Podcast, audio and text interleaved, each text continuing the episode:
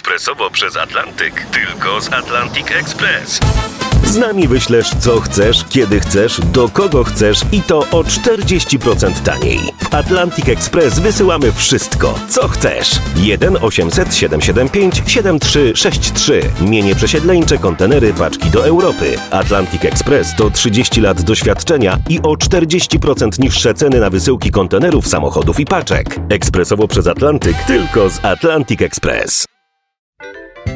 Dziś w Niedomówieniach w RMF Classic gościem Artura Andrusa jest kompozytor i piosenkarz Marek Dyjak. Ja cały czas przepraszam, że ja tak drążę ten moment początku, ale to zazwyczaj jest tak, że ktoś ci musi coś takiego podsunąć. No, nie wierzę w to, że nawet e, sprytny dziewięciolatek czy dziesięciolatek sam sięgnie po jakieś wiersze. No dobrze, czyli dwunasto czy czternasto. Nie no, ja miałem w ogóle zestaw starszych kolegów. W zasadzie od momentu, kiedy zacząłem spożywać alkohol, spotykałem się z, ze środowiskiem moich świętych poetów, moich przyjaciół, moich kumpli, którzy pisali wiersze, którzy zachwycali się Stachurą, Wojackiem, Bursą. To było dosyć niebezpieczne, zajmowanie się poezją na takim etapie i w taki sposób. No tak, czyli u ciebie poezja pojawiła się w tym takim momencie, który Dojrzewa, teraz... Dojrzewania psychicznego, fizycznego.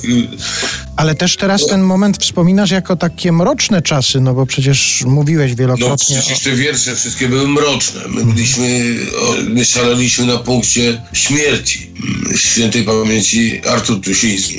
To był mój starszy kolega, który powodował we mnie, przynosił mi wiersze, czy poeta Marcin Pastuszak. Wszystko to, co było poezją, a ja, ja wyczuwałem poezję zawsze, podniecało mnie i nadawało siły do walki, do życia. I może nie pisałem rzeczy, które śpiewam, ale poetą całe życie się czułem. No, Marek Grechuta też był moim mistrzem. Uwielbiałem Marka Grechutę. Pojawiłem się na sekundę w kabarecie w piwnicy pod baranami, tylko po to, żeby poznać Skrzyneckiego i za chwilę go stracić z oczu, bo umarł.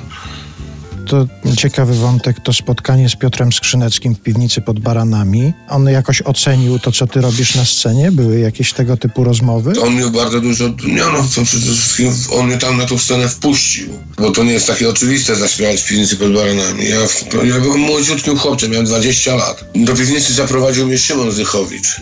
A, a, a tam spotkaliśmy Grzegorza Turnała i, Grzesiek mówił, a może by Marek zaśpiewał. I, i razem z, z Zychowiczem on grał na gitarze, ja zaśpiewałem.